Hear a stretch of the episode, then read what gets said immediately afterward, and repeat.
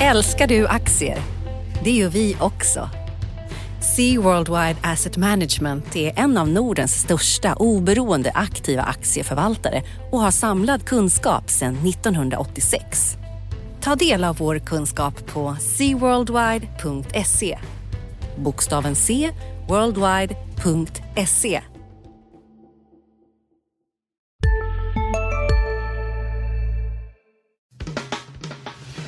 Analyspodden från Dagens Industri. Hej och välkommen till Analyspodden, Dagens Industris veckoliga försök att sammanfatta det viktigaste som har hänt på finansmarknaderna. Jag heter Viktor Munkhammar, med mig har jag Agneta Jönsson. Hej Agneta! Hej Viktor! Hej! Det händer saker eh, även i augusti på marknaderna. Det gör det. Mm. Ja, du, du ska få prata om en galen marknad. Eh, jag ska prata om lite saker som har hänt på min front, alltså makrosidan av bordet här i veckan. Vi har fått lite inflation för Sverige. Vi har fått en uppdatering från KI. Och så fick vi idag på morgonen, jag ska säga att det är fredag när vi eh, pratar om detta, lite BNP-utfall från grannländer. Men eh, jag tror vi börjar med den galna marknaden, va? Det är väl roligast? Eh, det, jag säger, det, är kul för de som har varit med på det här. Vi har ju haft en fantastisk utveckling selektivt på börsen.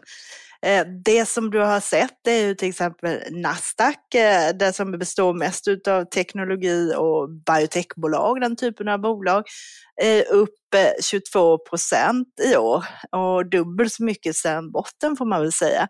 Medan vi mer mognare marknader och index som Stockholmsbörsen är upp 3 procent och Nasdaq stannade på 500 är upp 4 procent.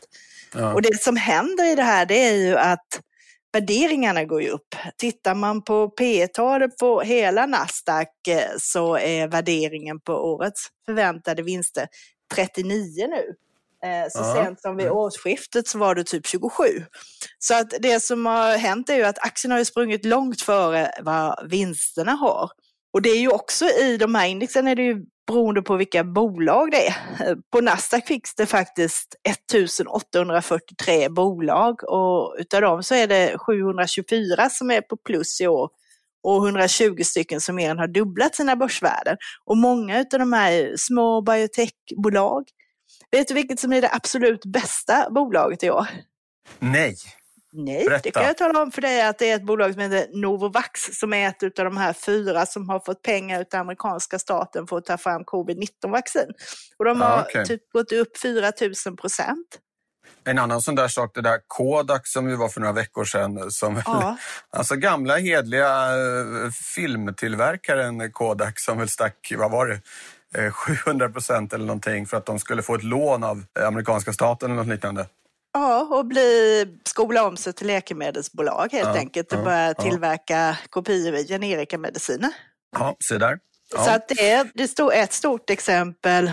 Utav de här bolagen så har du då Tesla. De hamnar på plats 36 typ och har gått upp drygt 250 procent. Och eh, Eh, är Tesla ett så mycket bättre bolag nu än vad det var i början av året? Den frågan kan man ju diskutera, det kanske är lite för långt för att ta i den här podden. Men där har du liksom värderingar, de handlas 175 gånger vad de väntas dra in i pengar i vinst i år och 100 gånger förväntade vinster nästa år. Eh, det säger sig själv att det finns en del sårbarhet i de här förväntningarna. Ja, och det allra konstigaste med Tesla måste väl vara att den här splitten de gjorde i veckan, alltså där eh, en gammal aktie blir fem nya, fick bolaget att dra 13 procent samma dag. Fast en, en split ju inte förändrar någonting, det är ju bara en räkneenhet så att säga. Det säger väl något om något. Ja, och igår gick de 4% till, så okay. nästan 20% för att en aktie ska bli 5. Eh, så att eh, det finns, en liten grej finns i det här. Om man tittar på gamla undersökningar så visar det sig att en split ofta eh, tenderar att förstärka den trend som redan är så att säga. Så är ett bolag på väg ner så faller de mer när det blir splittat och tvärtom. Och med ja. tanke då på att de redan är upp 250% så okej, okay, då funkar ju den teorin. Men det är ju inget sunt förnuft i det och det är inget liksom fundamenta bakom utan det är den här masspsykologin får man väl säga också. Ja. Ja. Och då är det ju många som jag som har varit med ett tag var ju med också på, vid millennieskiftet och det var ju lite samma resonemang då det här, om du kommer ihåg med den nya ekonomin, strunta i värderingar, man tittar bara på bolag relativt eh, varandra, det spelar liksom ingen roll, du kan värdera en konsult på en internetbolag till 10 miljoner. Så, så eh, det känns lite att de här tankegångarna är tillbaka igen, får man väl säga. Ja, ja. Ja, det är väl eh, som vi har varit inne på den här, i den här podden eh, många gånger, är det väl mycket eh, ränteutsikterna kanske som spelar roll också. Även om det är någonting som eh, borde handla om hela börsen snarare än individuella bolag eller delar av, delar av index. Ja, och det gör du också. Du var ju inne på det här nu med eh, inflationen och det och det är ju en nyckel till det här om räntorna ska fortsätta vara låga under en längre tid. Ja, ska, vi, ska jag riva av lite makrogrejer då, det som sticker ut i veckan nu när du spelar in det så bra? Just eh, inflationsutfall fick vi här från Sverige och den var högre än väntat även i juli. I, i juni var det en rejäl överraskning. Eh, 0,5 procent var den underliggande inflationen och det var mer än vad både marknadsproffsen och Riksbanken hade trott. Och exklusive energi var den faktiskt 1,5 procent, vilket jag tror var en stor lättnad för för Riksbanken. Eh, och nu ska man väl säga att de här månadsutfallen, om man alltid ska ta dem med en nypa salt så är det väl en hel skål salt eh, just det här året. Det hoppar och far en hel del och det är en hel del konstiga effekter också. Exempelvis så stack hyrbilspriserna med 68 procent i, i årstakt och, eh, och åt andra hållet gick charterpriser. Det har inte, det har inte registrerats några priser för charter alls på tre månader. Gjorde comeback nu i KPI då med en nedgång på drygt 10 procent i, i årstakt. Så det är en del märkliga coronaeffekter vi ser. Ehm, men, men eh, lite lättnad i alla fall för Riksbanken att den var högre än väntat, även om man väl får säga att 0,5 procent, ja, det är ju dels eh, en bra bit från inflationsmålet och det är ju inte någon hög prisökningstakt. Men, men ändå eh, lite bättre. Men jag tror ehm, att vi, dels får vi nog vänta till framåt hösten innan man kan liksom börja se några mera pålitliga tendenser i de här månadsutfallen. Och dessutom så är det motvind för inflationen, inte minst i form av kronans förstärkning här från eh, årsskiftet. Kronan är faktiskt starkare än den har varit sedan början av eh, 2018, på, ja, starkare än den har varit på två och ett halvt år. Och förstås arbetsmarknaden som ju tyvärr ser, ser dyster ut. Eh, så att jag tror, om vi ska koppla det till det vi pratade om tidigare här så Eh, kommer det inte finnas några särskilda anledningar för varken Riksbanken eller några andra centralbanker att, att höja några räntor på ett bra tag.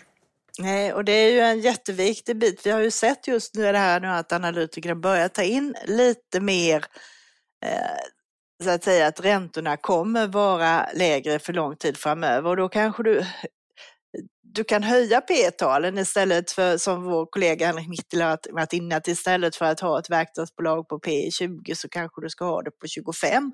Så den typen av glidningar eh, kommer säkert att komma lite mer här nu på framöver när man liksom diskonterar att det här kommer att vara eh, lågt lite längre. För det är väl som du säger att arbetslösheten är väl väldigt viktigt i det här för att räkna med några stora lönehöjningar och sådant när arbetslösheten stiger och industrin är jätteosäkra här hur det ska gå med eh, utvecklingen framöver på grund av corona och alltihopa det här.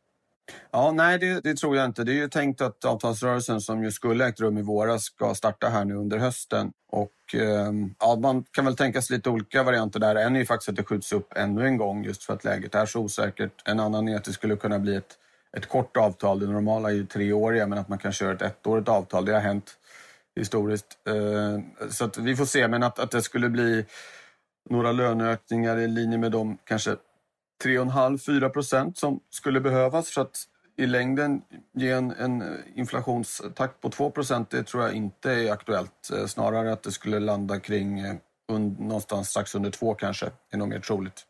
Ja, då får det vara andra priser som eh, går upp här Ja, ja, där har ju den importerade inflationen hjälpt till länge via en svagare växelkurs. Men som sagt, nu har ju kronan stärkts här. I veckan faktiskt har den inte hänt så mycket, men om man tittar sen ja, inte minst sen, sen eh, mars då när det var som allra oroligast så har den uh, gått väldigt mycket starkare. Men även, även sen årsskiftet och som sagt starkare än den har varit på, på två och ett halvt år. Det är också lite ovanligt för normalt brukar ju kronan vara svag när det är de här kriserna, när börserna faller och det är oroligt i världsekonomin och sådär.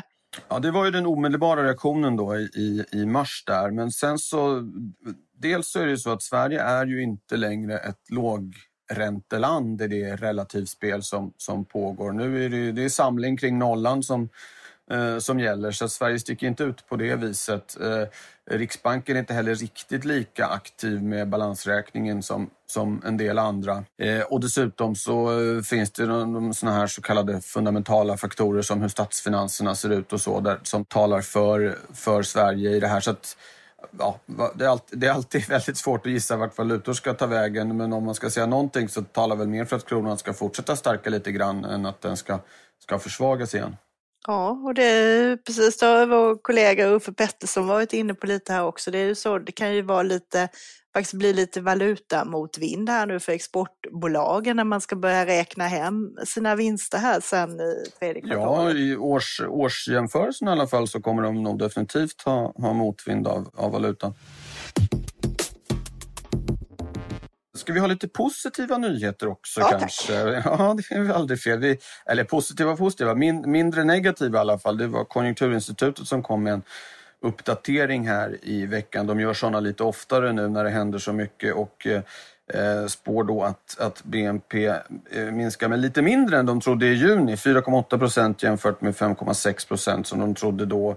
Eh, räknar också med att statsfinanserna inte tar en fullt så, så stor smäll. Att det, offentlig finansiella sparandet som det heter landar på minus 4,6 procent av BNP istället för 5,6. Eh, det är fortfarande såklart ett rejält eh, minus för både BNP och statsfinanser men åtminstone lite bättre än, än vad de trodde i, i juni och det här beror på att Eh, enligt deras bedömning så har det gått lite bättre på de flesta fronter än de hade trott i, i juni. Då. Det är lite mer fart på exporten därför att de, Europa i, i stort har öppnat upp ekonomier. Eh, mått på korttransaktioner exempelvis i Sverige visar att efterfrågan har kommit tillbaka. Omsättningstappet är inte lika. Det, det minskar successivt jämfört med ett år tidigare i de flesta branscher och sådär. Så att lite allmänt eh, bättre utsikter och det kan man ju verkligen behöva. Det som är det verkliga orosmolnet, där, eller det dystra, är ju arbetsmarknaden där KI, precis som de flesta andra, räknar med att den stiger till över 10 procent här eh, framåt eh, slutet av året, början på nästa kanske. Och Sen att den ligger som ett snitt på 9,5 nästa år och det är ju inte kul. Inte Nej, bra. men ändå, jag tycker inte det är så jättefarligt. Vi låg ju på 7,5 innan det här. Har du också valt att bli egen? Då är det viktigt att skaffa en bra företagsförsäkring. Hos oss är alla småföretag stora och inga frågor för små. Swedeas företagsförsäkring är anpassad för mindre företag och täcker även sånt som din hemförsäkring inte täcker. Gå in på swedea.se företag och jämför själv. Just nu pågår vår stora season sale med fantastiska priser på möbler och inredning. Passa på att fynda till hemmets alla rum, inne som ute, senast den 6 maj. Gör dig redo för sommar. Välkommen till Mio. igång så att säga, så egentligen är det ju inte så många som redan liksom, var inne i arbetsmarknaden som har blivit av med jobben. För de här typ runt 7-7,5, de har ju, så har det ju legat även i högkonjunkturen om man säger. Ja, det, sen, ja vi, vi, var nog nere lite under sju här innan, innan det började. Men sen, ja, två, två procentenheter, det är, det är ganska många arbetstagare ändå. Så att eh, man kan jämföra med Eh, det har ju varit svårt att, trycka ner arbetslösheten i, i, Sverige och det har ju skett ganska mycket av goda skäl om man tar en lite längre tillbakablick, nämligen att arbetskraften har ökat väldigt mycket. Vi har väldigt stark sysselsättningsökning eh, men arbetskraften har, har vuxit så att det inte satt så stort avtryck på arbetslösheten som ju mäts som antalet, andelen som inte har jobb och de som står till arbetsmarknadens förfogande. Det som har hänt hittills i år nu är att vi har sett att eh, arbetskraftsdeltagandet också börjar sjunka så att folk lämnar arbetsmarknaden. Eh, så att det, det, man, man missar lite egentligen om man bara tittar på arbetslösheten. Eh, det kan dölja sig problem, eh, nämligen att folk som helt enkelt säger att jag struntar i att försöka hitta ett jobb och då försvinner man ur den delen av statistiken. Tittar man istället på det som kallas för sysselsättningsgraden som är ett, ett, renare mått visar andelen som har jobb i relation till befolkningen helt enkelt. Då har vi haft en, en, en markant en nedgång här. Men visst, eh, blir det inte värre än 9,5 som ett årsgenomsnitt nästa år kanske vi ska vara glada med tanke på djupet i den här krisen. Men att det är ett stort problem i alla fall, det, det står helt klart. Det står ju klart. Det, däremot blir jag lite förvånad också att man inte väntar sig en större återhämtning nästa år. Jag för var det typ, man väntar sig att det får en ökning på 3,4. 3,4 ja. Mm. Jag hade väntat mig mer en sån här catch-up effekt att i och med att vi har tappat så mycket nu att vi får ja. en större studs tillbaka? Ja, delvis kommer, räkna, kommer den redan nu under andra halvåret enligt KIs bedömning att det börjar studsa upp redan nu. Och en, lite, lite märklig eh, konsekvens av om de får rätt är att det faktiskt kan bli så att Sverige aldrig kommer gå in i recession. eh, en vanlig definition på det är ju fallande BNP två kvartal på raken och eftersom BNP växte med 0,1 procent i det första kvartalet Eh, och enligt KIs bedömning då åter börjar växa igen det tredje kvartalet så skulle det kunna bli så att eh, i den djupaste recessionen i mannaminne gick Sverige aldrig in i recession. Eh, det säger nog mer om eh, stelheten i de här tekniska begreppen än vad som händer i ekonomin i och för sig. Men för finsmakare där ute så kan det vara någonting att suga på kanske. Ja, de kanske behöver titta lite på hur man ska göra bedömningar framöver. För det vi såg nu är att allting går snabbare och snabbare. I finanskrisen så gick det ju väldigt fort både ner och upp igen. Och nu känns det som det går ännu snabbare denna gången. Det hann ju knappt gå ner innan det börjar gå upp. Ja, det är finanskrisen på steroider det här. Men det är väl just det att det är en sån momentan smäll som drabbade alla länder samtidigt och förstås de här nedstängningarna. Man precis sa att nej, men nu slutar vi med ekonomi här. Vi ska inte ha det för att då blir folk sjuka. Och då blir det ju såklart ett eh, otroligt brant, brant ras. Eh, jag tycker kanske också att vi ska säga när vi pratar om tillväxt att eh, ehm, den svenska coronastrategin har diskuterats och huruvida den skulle ha ekonomiska fördelar. Det tror jag är alldeles för tidigt att, säga någonting om det. Det dröjer några år innan vi kan liksom, säga vad som var rätt och fel. Men eh, vi kan i alla fall notera att idag på, på morgonen här så kom det BNP-utfall från Danmark och Finland som visade på mindre fall under andra kvartalet än vi hade i Sverige. Och det är ju två länder då som har haft eh, eh väldigt strikta nedstängningar. Så att eh, det verkar som att eh, det handlar inte bara om hur hårda regler man har haft eller, eller inte haft, det finns andra saker också. Ja, en del måste ju vara vad de har för typ av industri och bolag. Jag menar, det exporteras inte jättemånga lastbilar från Danmark till exempel. Nej, Danmark kan man ju förstå lite grann. De ligger ju helt rätt med livsmedel och, och läkemedel. Eh, det har ju varit Eh, så att säga, bra att ligga tungt i, i den här krisen. Men Finland som faktiskt hade ett mindre fall än Danmark eh, har ju en ekonomisk struktur som påminner mycket om den svenska med mycket verkstadsbolag och skog och, och sådär. Det är ju två ganska lika ekonomier på, på det viset. Så det var lite mer överraskande kanske att, eh, att Finland klarade sig så pass, så pass bra. Men som sagt, jag tror att det är för tidigt att dra några mera långtgående slutsatser än så länge vi lägger det åt sidan, men det är ändå, vi har lite hopp i alla fall att det ser lite bättre ut. Hösten kan eh, bli bättre. Eh, det vi får fundera på är hur hösten kan bli på börsen också, för vi har som sagt var redan hämtat igen en hel del. Eh, och många bolag ligger ju betydligt högre än vad de var eh, när året började här. Eh, inte minst har vi ju hela det här gänget med eh, vad man kan kalla dem lite slarvigt då för pandemi vinnare där du har i stort sett hela eh, spelsektorn. Vi hade igår så kom Embracer, G5 och Leo Vegas med rapporter till exempel. De bolagen har haft en, särskilt de två första har ju haft mer än eh, kursdubblare hittills i vår och kom med starka eh, rapporter här. Du har Storytel, det finns andra den här typen av bolag, e-handel och sådant som har gått väldigt bra och sprungit iväg extremt snabbt här nu. Det är trender som gynnar dem, men frågan är om man inte har tagit ut en hel del saker i förskott, för det går ju tillbaka till ett normalläge också. Ja. Samtidigt har du andra bolag då där man istället som har hamnat helt i frysboxen, eh, som eh, europeiska större banker till exempel. Eh, de är fortfarande inte speciellt populära kan jag tala om. Nej, nej, de här um, utsikterna med evig uh, nollränta eller minusränta till och med är väl inget som eh, bankerna är så jätteglada för kanske. Nej, och man får också se nu en del som säger i sina rapporter att man börjar montera ner en del grejer. Det var ABN AMRO lämnar en del affärsområden, talar de om i samband med sin rapport, bland annat eh, vad det gäller sån här råvaruhandel, råvarutrading och vissa typer inom tradingområdet och sådant tar man helt enkelt och lägger ner och många ser över sina verksamheter så det blir liksom tillbaka till en kärnverksamhet. Och mm. sedan kommer det säkert också bli en hel del bankkonsolideringar ute i Europa.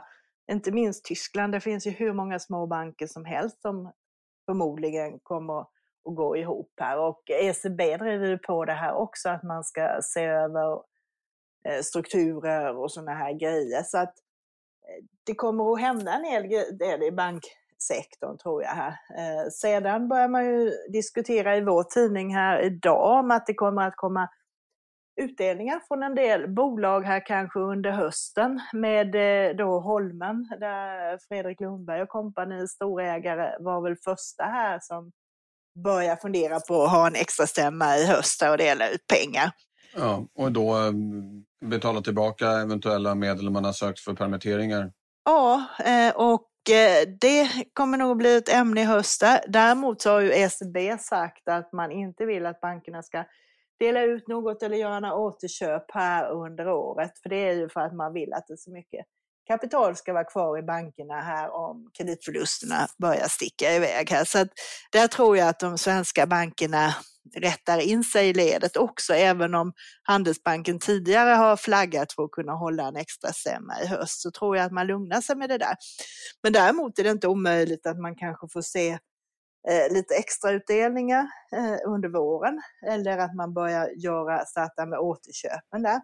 Eh, ja. Nordea har ju mer eller mindre sagt att man eh, avser att göra så fort man får tillåtelse. De var ju inne på att söka tillstånd utav ECB att dela ut i höst eh, innan det här eh, kom med förlängningen till årsskiftet. Så att, eh, där tror jag att man kan få se här ett intresse under hösten när man börjar titta på hur mycket pengar de skulle kunna dela ut om inte kreditförlusterna sticker över de här nivåerna man räknar med idag. Ska vi börja runda av det här Agneta, eller har du fler punkter på din lista där? Jag tyckte vi skulle prata lite om vad som ska hända nästa vecka också. Ja, det var det? det jag tänkte att vi skulle runda av med nämligen. Okay. Perfekt! Ja. Berätta, vad ska vi hålla ögonen på då? Precis, på börssidan då så får vi Claes Olsson. Den blir intressant att se. Sen på tisdag så har du Bahnhof. Det är bredband och sådana här saker eh, som också borde ha gynnats lite av alla de här hemmajobbargrejerna. Mm. Eh, och sedan så har du bilbesiktning Opus. Eh, det vet jag inte hur corona påverkar, men jag kan tänka mig att som, bi, som bilägare, eller formellt sett är det min fru som är det, men så vet jag att man har ju fått tillåtelse att skjuta upp besiktningen eh, med anledning av viruset. Så möjligen har det skett några förskjutningar där i eh, vad folk har gjort, det vet jag inte. Men svårt att se att det skulle vara några jättestora effekter. Nej, det är nog mer utomlands där det har varit nedstängningar och sådana där grejer. Men mm. det återstår att se. Det kan vara en rapport att titta på. På onsdag kommer Ambea. Eh, där har vi redan Attendo eh, rapporterade ju tidigare i sommar här och faktiskt fick en liten uppstuss eh, på det. Mm. Ambea har ju tyvärr aviserat ett vd-byte mitt i det här också så att det ska bli intressant att höra vad de har att säga. Och på torsdag har du Humana i samma sektor här. Omsorgsbolag ja, också. Ja, mm. omsorgsbolag, så de kommer jag titta på lite. Och sen så har du EQT på torsdag som är en av de här stora vinnarna här med mer än kursdubbling eh, under året. Och eh, där är det intressant att se om den faktiska prestationen lever upp till hur aktiekursen har gått här.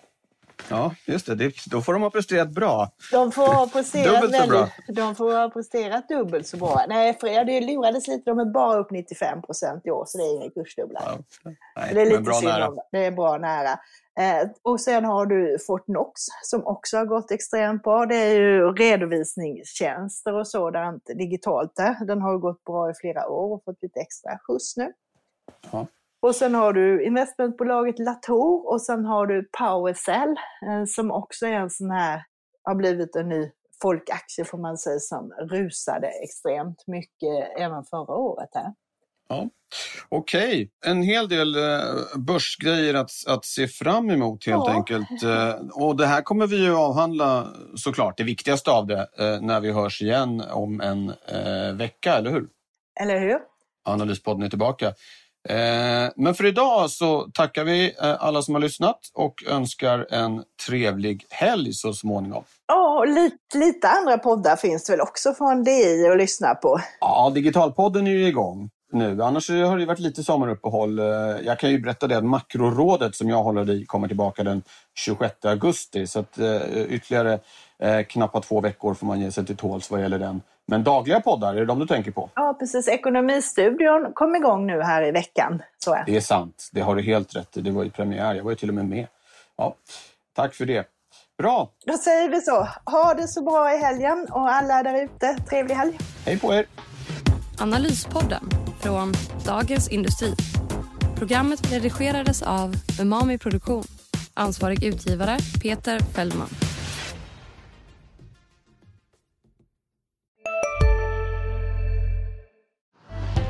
Älskar du aktier?